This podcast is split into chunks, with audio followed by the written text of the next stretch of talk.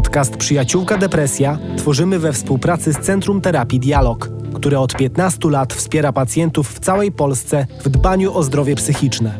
Dialog tworzy grupa 300 doświadczonych specjalistów, lekarzy psychiatrów, psychologów i psychoterapeutów. Niektórych z nich usłyszycie w naszej audycji.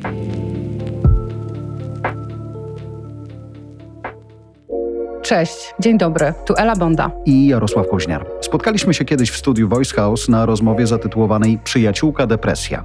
I postanowiliśmy, że tak szybko z niego nie wyjdziemy. Chciałabym, żeby udało się nam przekonać biznes do rozmowy o depresji. Często powtarzam, it's okay not to be okay. Tylko jak to zrobić? Jak rozmawiać? Jak pomagać? Chcemy dać temu przestrzeń. Także dlatego, że feedback po pierwszych nagraniach był oczywisty. Dziękuję za szczerość i proszę o więcej.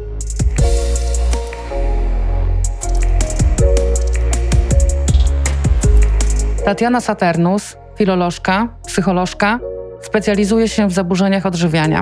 A dziś będziemy skupiać się na języku. Dlaczego trzeba uważać na to, co i do kogo się mówi w kontekście chorób i zaburzeń psychicznych? Czy można mówić o kimś wariat, psychopata, down czy adechadowiec? Jak bardzo język potrafi zranić? Czasach przed wojną mieliśmy usiąść w studiu i spokojnie z Tatianą porozmawiać o tym, że nie warto, nie wolno, nie trzeba. Po łapach będziemy dawać, przeklinać będziemy na każdego, kto będzie stygmatyzował osoby chorujące psychicznie, ale dzisiaj kontekst narysował nam się trochę inny, Pani Elu. Tak, i do tego kontekstu chciałabym, żebyśmy wrócili, ale mimo wszystko chciałabym, żebyśmy na początku porozmawiali o tym, na czym Tatiana się doskonale zna, a co mi osobiście jako osobie chorującej bardzo przeszkadza, ponieważ życzyłabym sobie, żeby przestano używać tego, że ktoś się przyznaje, że choruje na depresję. No ja się już wyuczyłem. Ty Dzięki już się Tobie. wyuczyłeś, tak. To jest e, bardzo budujące, że można w dosyć krótkim czasie można się pozbyć tego przyznawania Kwestia się do presji depresji. i jej siły. Ach, tam presji. Natomiast osobiście mam e, wielką prośbę do wszystkich, którzy nas słuchają, żeby spotykając takie osoby jak ja, naprawdę nie mówienie o nich, że są pierdolnięte, że są wariatami lub wariatkami, że są e, w cudzysłowie psychiczne, e, z domysłem Coś nie chyba tak. no nie do końca. Do tego jeszcze dochodzą gesty, prawda? Tak, tak, wiu, wiu, i takie kółeczko dookoła skroni. E, to po prostu nas boli. Mnie osobiście to boli.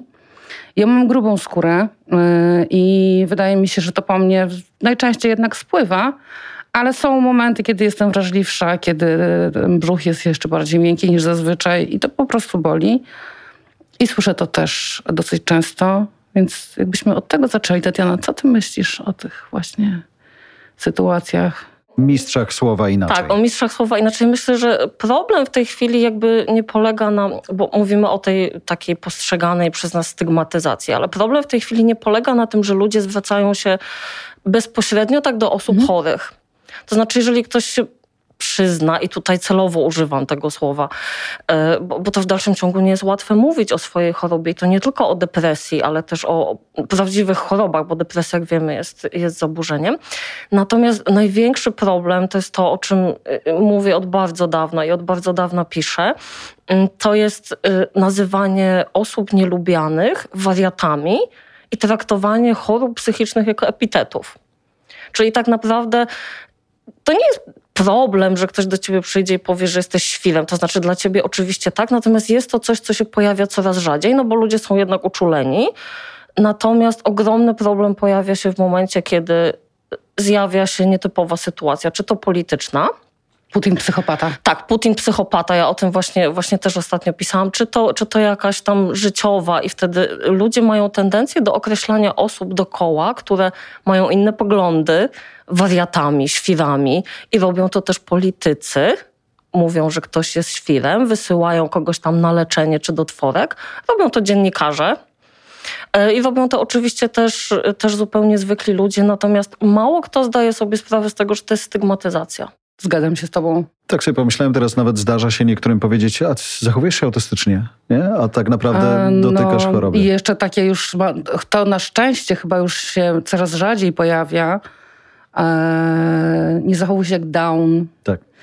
Albo jakieś dziecko, nawet albo dorosła osoba, która ma po prostu temperament e, dosyć żywy, no to ty, ty już na pewno masz to ADHD i w ogóle jak ADHDowiec się zachowujesz.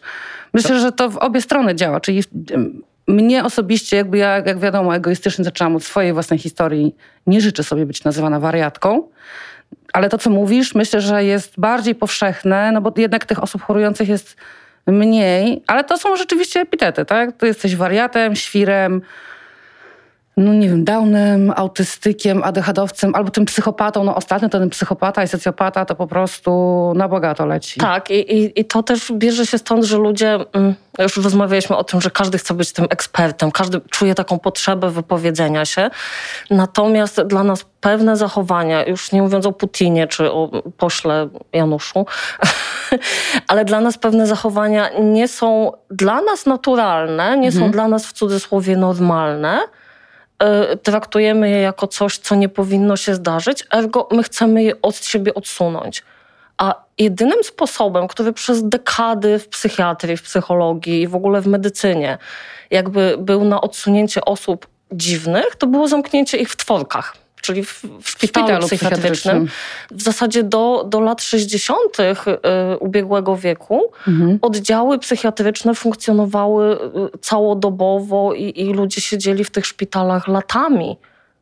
I to z chorobami, które w tej chwili y, traktowane są jako po prostu choroby, które się leczy w gabinecie lekarskim. Mhm. Natomiast ludzie mają taką właśnie potrzebę, że no, jak on mówi coś dziwnego, mówi, robi coś złego, to trzeba go odizolować. I już nie myślą o tym, że zła osoba powinna trafić przed sąd, powinna trafić do więzienia, tylko o tym, że on ma iść do tego psychiatryka, bo jest stuknięty i ma tam siedzieć. Mhm. Ale tak jak Ela wspomniała o osobach z zespołem Downa, o różnych osobach, które mają różne... E, mm, które są wykluczane z różnych powodów, że to jest tak, że oswajamy, prawda? E, bo program telewizyjny się pojawi, bo ktoś e, znany pokaże swoje dziecko, które e, ma zespół Downa i nagle próbujemy sobie to jakoś a, szukam słów znów, żeby was nie obrazić, ale tak naprawdę próbujemy sobie to uczłowieczyć. O, może tak, może to będzie dobre słowo. Myślę, że tak z każdą chorobą. Dzisiaj, kiedy mówimy o tym, że sama powiedziałaś, nie jest to wciąż takie łatwe, żeby powiedzieć, że jestem chory psychicznie, ale coraz większej grupie ludzi to się e, udaje. Są na tyle odważne, że to robią. Patrz początek naszej audycji.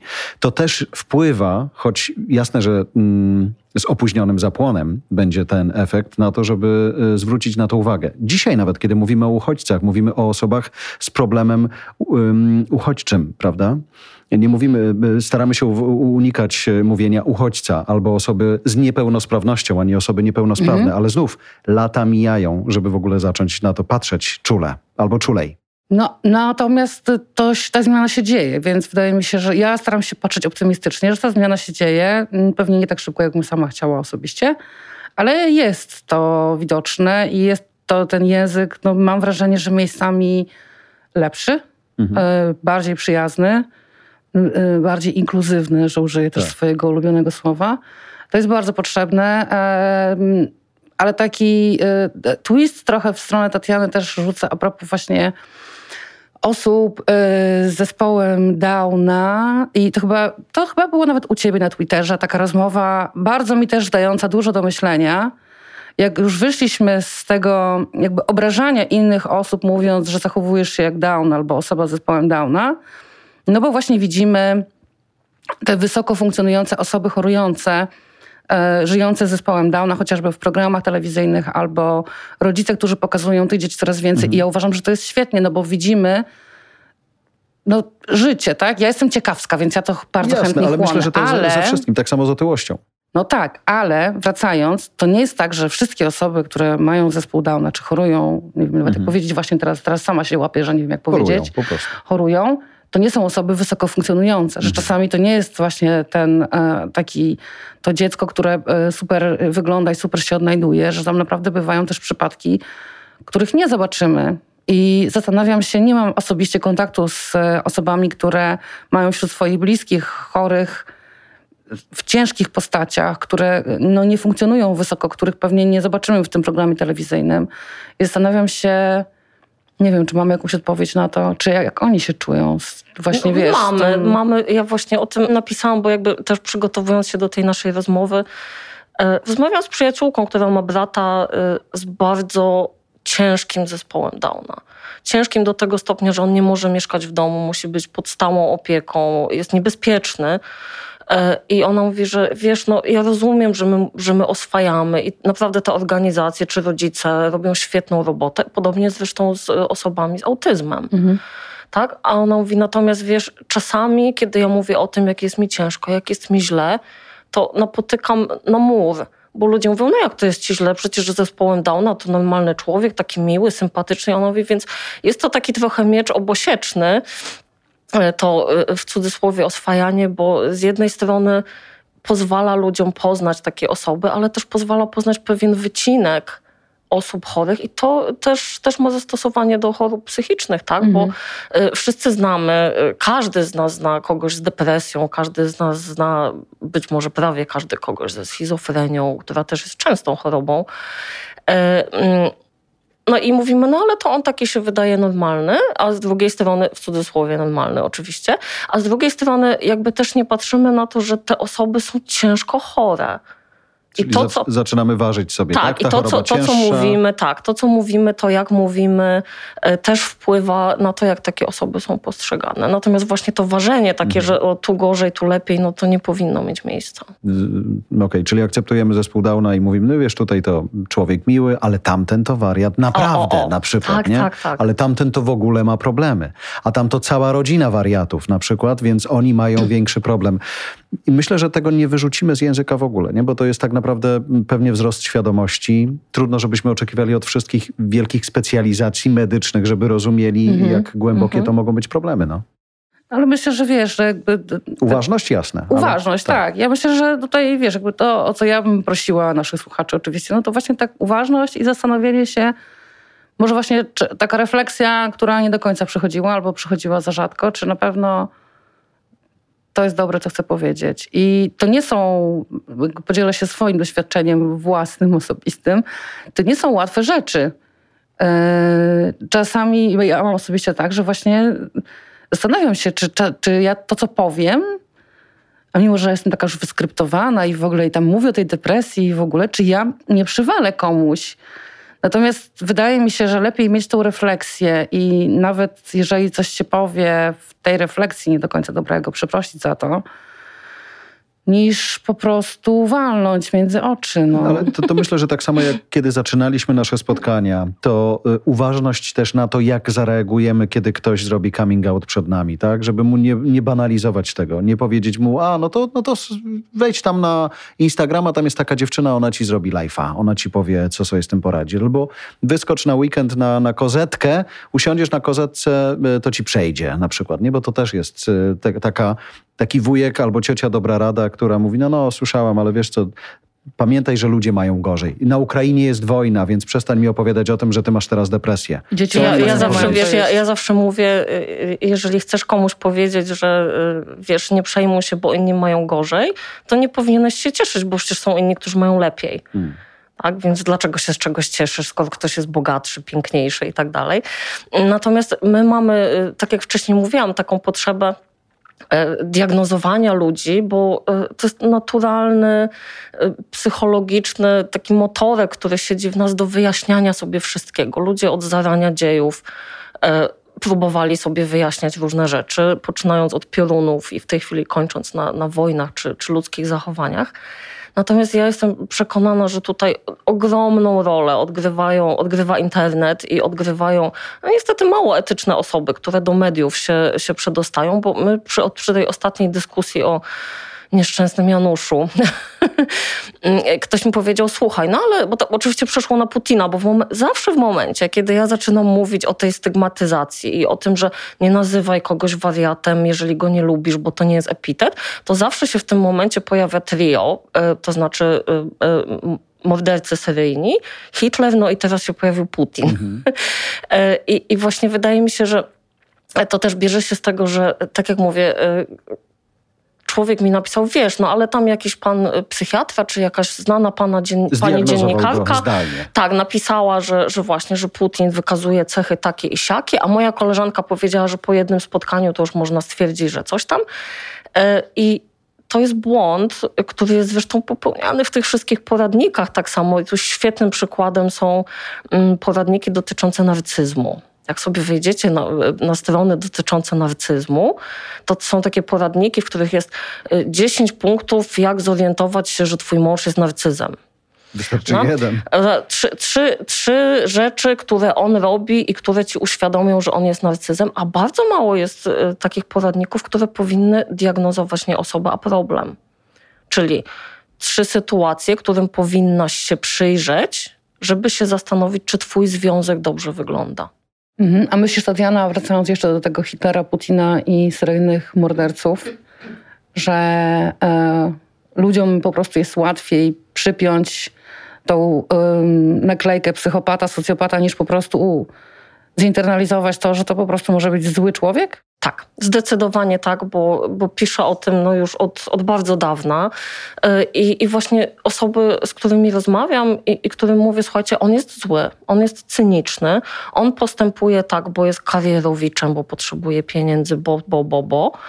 E, mówią, no ale wiesz, no, y, przyjrzeć się jego zachowaniu, no to jest klasyczny psychopata. No, to nie jest klasyczny psychopata, bo żeby zdiagnozować psychopatę trzeba naprawdę kilku tygodni pracy z taką osobą, trzeba odpowiednich skal, trzeba mieć odpowiednią wiedzę. Natomiast nam się wydaje, że to jest psychopata, bo naczytaliśmy się właśnie tych takich e, poradników, w których no, jak ktoś się zachowuje ABCD, to jest psychopatą. Zresztą podobnie jest z depresją. Jest mnóstwo e, testów w internecie, które można sobie sprawdzić, czy masz depresję. Mm, więc wydaje mi się, że nam jest łatwiej e, stwierdzić, że ktoś nam nie pasuje, jest mhm. inny, trzeba go zamknąć, bo taka jest konsekwencja e, jakby określenia, że ktoś jest tym strasznym psychopatą, niż e, przyznać to, że ludzie po prostu bywają źli. I że my też być może w jakiejś sytuacji moglibyśmy być źli. I że nie chcielibyśmy, żeby ktoś powiedział o nas, o nas psychopata, tak? A no właśnie i wtedy przychodzi taki moment zastanowienia. Czy chciałbyś, żeby ktoś powiedział, ja to często mówię, czy chciałbyś, żeby ktoś powiedział o twoim dziecku, które zacznie się leczyć psychiatrycznie, że skoro się leczy psychiatrycznie, to jest takie jak poseł Janusz, mhm. czy jak Putin, to znaczy, że jest psychopatą i będzie mordować. No nie. Mhm. Wiesz, bo bardzo często w takim dyskursie ta granica się nam dynamicznie przesuwa, nie? Ktoś mhm. robi coś złego, wariat. Jeszcze powiedzmy, że wariat nie boli, tak, jak, jak psychopata, ale myślę o tym kontekście, na który rzeczywiście Wy zwracacie uwagę, bo jesteście w tym głęboko i to rozumiecie, ale mm, tłum, który sobie o tym po prostu mówi, to tam nikt nie czuje e, bólu. Nikt nie widzi tej, e, nikt nie widzi w tym problemu tak mhm. naprawdę, tak? Znaczy, po wiesz, prostu jest to mhm. jeden z moich, e, mojego arsenału epitetów, koniec Tak, tak I, i dlatego trzeba to ludziom uświadamiać, natomiast znam osoby i to są osoby, które i pisały do mnie i, i ze mną rozmawiały, które jakby też dziękują za podnoszenie tego tematu w taki sposób i mówią, wiesz, ja się zacząłem zastanawiać, co piszę. Mhm. Obiecałem sobie, że zanim komuś napiszę wariat, to ugryzę się w palce, tak? Że zanim komuś powiem, to się przez chwilę zastanowię, bo rzeczywiście zdaję sobie sprawę, że przecież tak naprawdę mówiąc psychopata o kimś, o Putinie na przykład, czy ja obrażam Putina? No, no nie. nie. no nie. Tak, no Putin nawet nie wie, że ja piszę o nim psychopatę, chyba dobrze. Natomiast osoby, które rzeczywiście mają jakieś zaburzenia, czy osoby, które pracują z ludźmi z zaburzeniami czy z chorobami psychicznymi, no mogą poczuć pewien dyskomfort. I tak samo z tym wysyłaniem do tworek, bo e, nie, nie wiem, czy byliście kiedyś w szpitalu psychiatrycznym, pewnie nie. E, e, ja byłam, aczkolwiek jako, jako gość tylko i, i, że tak powiem, zawodowo w Stanach. Szpitale psychiatryczne to nie są miejsca, gdzie ludzie siedzą związani pasami, prawda, walą głową w ścianę z poduszek i, i jest jakiś dramat, tylko to są po prostu miejsca, w których ludzie się leczą. Szpital.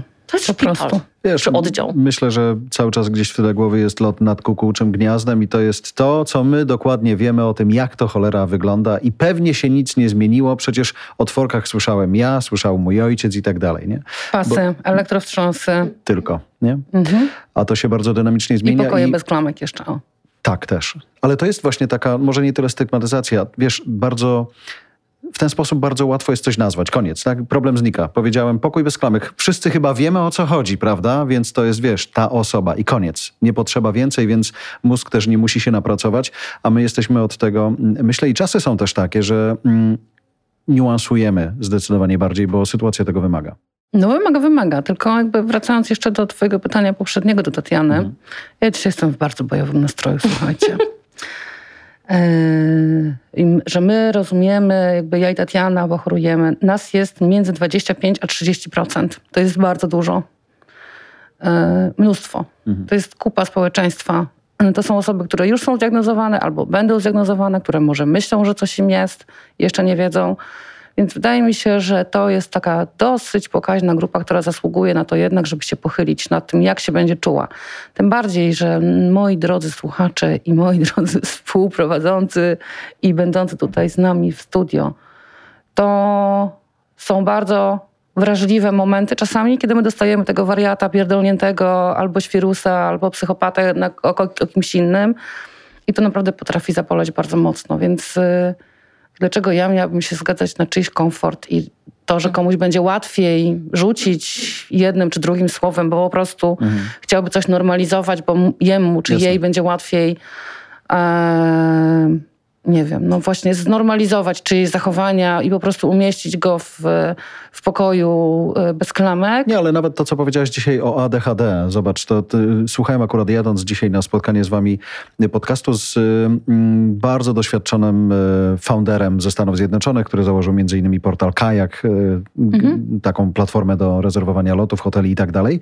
On mówi o swojej dwubiegunowości i mówi, że to się zaczęło w szkole właśnie z ADHD, gdzie słyszał to, co pewnie większość dzieciaków słyszy, tak? Przestań biegać, przestań łazić, usiądź na dupie, masz chyba ADHD. I to ADHD jest, było taką łatką. On łatką. Mówi, ja jestem gościem, który musi chodzić, bo ja po prostu jestem wtedy kreatywny. Mhm. Później odwołuje się do, do leków i mówi, dlaczego nie chciał ich brać, bo bał się, że właśnie będzie mniej kreatywny i walczył z tym i tak dalej, ale mówi, to się zaczęło wszystko w szkole, kiedy właśnie cały czas mnie próbowano przywiązać gdzieś i była ta stygmatyzacja. Tylko nikt oczywiście po tej drugiej stronie, czyli stygmatyzujący, nie czuł, że to jest stygmatyzacja, mówiąc do niego usiądź, nie ADHD, nie ADHDuj mi tutaj, nie? Tak, ja jeszcze, jeszcze myślę, że bardzo ważne jest to, w jaki sposób my też patrzymy, wróćmy do depresji, bo rozmawiamy o mhm. depresji w końcu, w jaki sposób my patrzymy na osoby z depresją, bo y, ludzie, którzy mają depresję i mówią o niej, piszą o niej ze swojego doświadczenia, w dalszym ciągu nie jest wielu.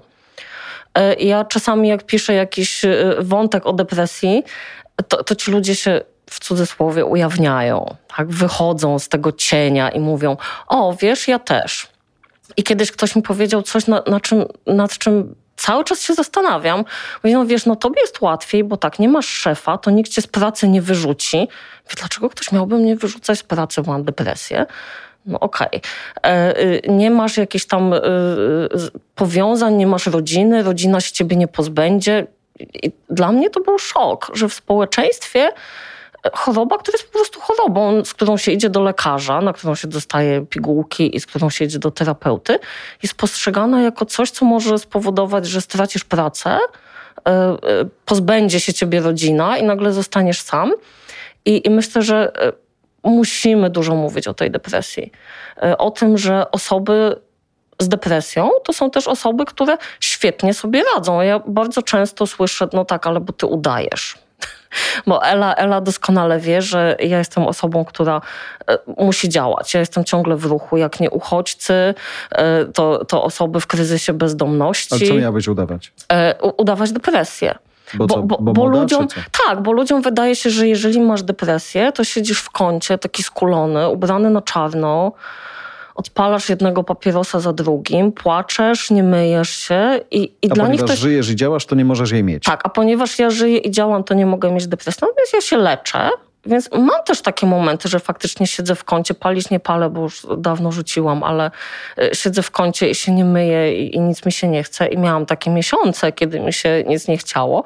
Natomiast y, chciałabym też pokazać ludziom, że osoba z depresją po prostu normalnie żyje ale z drugiej strony nie można też podważać jej cierpienia czy choroby, e, patrząc tylko na jakiś wycinek jej życia. I to ludzie często mówią, no wiesz co, ty na pewno tobie nic nie jest, bo przecież jesteś pomalowana. Nie chcę tłumaczyć tutaj nikogo, ale wydaje mi się, że jesteśmy w momencie takiego, wiesz, przesilenia z jednej i w drugą stronę. Czyli nie, nie jesteśmy jeszcze po środku, tylko ponieważ lekceważyliśmy to, a teraz nagle bardzo dużo się o tym mówi, no to ludzie czasem to sobie wypierają, tak? Więc właśnie mają taki stereotyp, jak dziewczyna jest uśmiechnięta i umalowana, to nie ma prawa mieć depresji, niech nie gada są i tacy, którzy próbują też wykorzystać tę sytuację i nagle wydaje mi się, że z, z, nie wiem, z biegiem wiedzy, miesięcy, lat, będziemy gdzieś w tym środku, kiedy będziemy rozumieli, że osoby chorujące na depresję po pierwsze się do tego nie przyznały, a po drugie mogą być umalowane i mogą się cholera też uśmiechnąć, nie? Ja to miałem z Elką zresztą. No, przyszła dziewczyna do studia, pewna siebie, zadowolona, przecież ona nie może, nie może być y, osobą w depresji. Ja dzisiaj wyglądam całkiem nieźle, ale gdybyście zobaczyli mnie w sobotę rano, no to myślę, że to bym właśnie takim obrazkiem byłam, o który ty, Tatiana, opisujesz właśnie. Jak akurat w łóżku leżałam i nie mm. byłam w stanie się z niego wyczołgać. E, no to dwa dni temu było, tak? Dzisiaj mamy mhm. wtorek. Y, Wyciągnęłaś. Nagrywamy we wtorek, czyli no, dwa dni różnicy. I e, no, tak, wyciągnęłam się, ale mam świadomość, że to wiesz, no to będzie wracało. I to mhm. nie są łatwe chwile. To nie są takie chwile, gdzie ja internalizuję to, że jakby okej, okay, no dobra, no dzisiaj jest gorzej, no to jutro będzie trochę lepiej i tam, taram, tam, nie? To są mega trudne momenty, gdzie jest ogromne zwątpienie, że o Boże, to znowu będzie trwało miesiącami. To jest bardzo trudne działanie, o którym ty mówisz, o to też jest mi na maksa bliskie, mnie to ustawia w zdrowym miejscu. I to, na co ja muszę uważać, to żeby właśnie ta pomoc nie poszła za daleko, żeby ona mnie znowu nie pochłonęła, nie wchłonęła na tyle, że ja znowu zapomnę o sobie. Natomiast to działanie i pomaganie innym jest mi bardzo potrzebne i jednak mnie gdzieś tam no, terapeutyzuje w jakiś sposób też. Tak? To ja się nie boję tego słowa użyć, ale zgadzam się z tym, że właśnie, no to nie jest tak, że my będziemy zawsze siedzieć w tym kącie, jarać pety i e, śmierdzieć i po prostu nie musieć się ruszać. Czasami tak będzie. Ale też powiedziałaś o tym, że właśnie to podbrzusze czasem jest bardziej miękkie niż innego dnia. Tak. Więc w sobotę każde przeczytane, co, choć podejrzewam, że wtedy miałaś akurat wywalone na to, żeby zaglądać do, do sieci, ale wtedy każde słowo boli inaczej, nie? W ogóle potrafi zaboleć. Boli. Znaczy, wiesz, no, to jest tak, że jak mam taki stan właśnie jak ten, no, który opisałam tutaj bardzo malowniczo, e, to ja staram się też unikać wszelkich możliwych bodźców e, i staram się chronić, jakby jestem w takiej swojej bańce i naprawdę chcę, żeby nigdy do mnie nie mówił, nikt do mnie nie pisał, nie chcę na, na nic patrzeć i jakby cały czas, no próbuję się chronić przed bodźcami też więc e, staram się unikać tego zwyczajnie, ale gdyby na przykład coś takiego było, że muszę coś zrobić i, i daję radę, nie wiem, spotkać się z kimś, ten ktoś akurat nie ma dla mnie e, kilku przyjaznych słów, tylko ma dla mnie niekoniecznie przyjazne słowa, mm, to tak, no to boli bardziej, boli bardziej i, e, i jest trudne i trudno jest to zrozumieć dlaczego, i też będąc w tym takim e, czarnym pokoju e, wirtualnym, jak dostajesz taką, taki ładunek jeszcze czegoś w swoją stronę, to też pamiętajcie, ci e, zdrowi, albo ci chorujący, albo w ogóle ci, którzy z nami rozmawiacie, że my wtedy mamy naprawdę ogromne poczucie winy i beznadziei i tego, że jesteśmy po prostu do niczego, więc jak doładujecie nam jeszcze taką armatę, że my jesteśmy beznadziejni, jak to się werbalizuje, jest mówione przez inną osobę, no to, e, to są trudne chwile. Trudne bardzo. Tatiana się dołożyła skinieniem głowy. Że tak, dołożyłam się, bo, bo e, to jest też coś, co my, e, co w ogóle opieka nad zdrowiem psychicznym pomija. To jest też opiekowanie się rodzinami czy bliskimi osób, które chorują. U nas jest o to strasznie trudno, no bo nie ukrywajmy, że w ogóle problemem jest dostać się do psychiatry czy do psychologa osobie chorej. Natomiast brakuje też bardzo tego takiego wsparcia dla osób, które żyją z ludźmi, którzy chorują na przykład na depresję. I to jest coś, co w naszych rozmowach na Twitterze y, y, co jakiś czas ktoś mnie prosi, no dobra, ale napisz, co ja mam mówić, co ja mam robić. Y, piszą do mnie ludzie z pytaniami, no, jak sobie poradzić z córką. Jak sobie... I to są zazwyczaj ludzie, którzy intuicyjnie, intuicyjnie mają taką wewnętrzną, dobrą wiedzę na temat tego, co robić, ale oni potrzebują tego upewnienia się.